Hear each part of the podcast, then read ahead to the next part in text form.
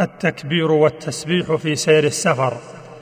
قال جابر رضي الله عنه كنا إذا صعدنا كبرنا وإذا نزلنا سبحنا.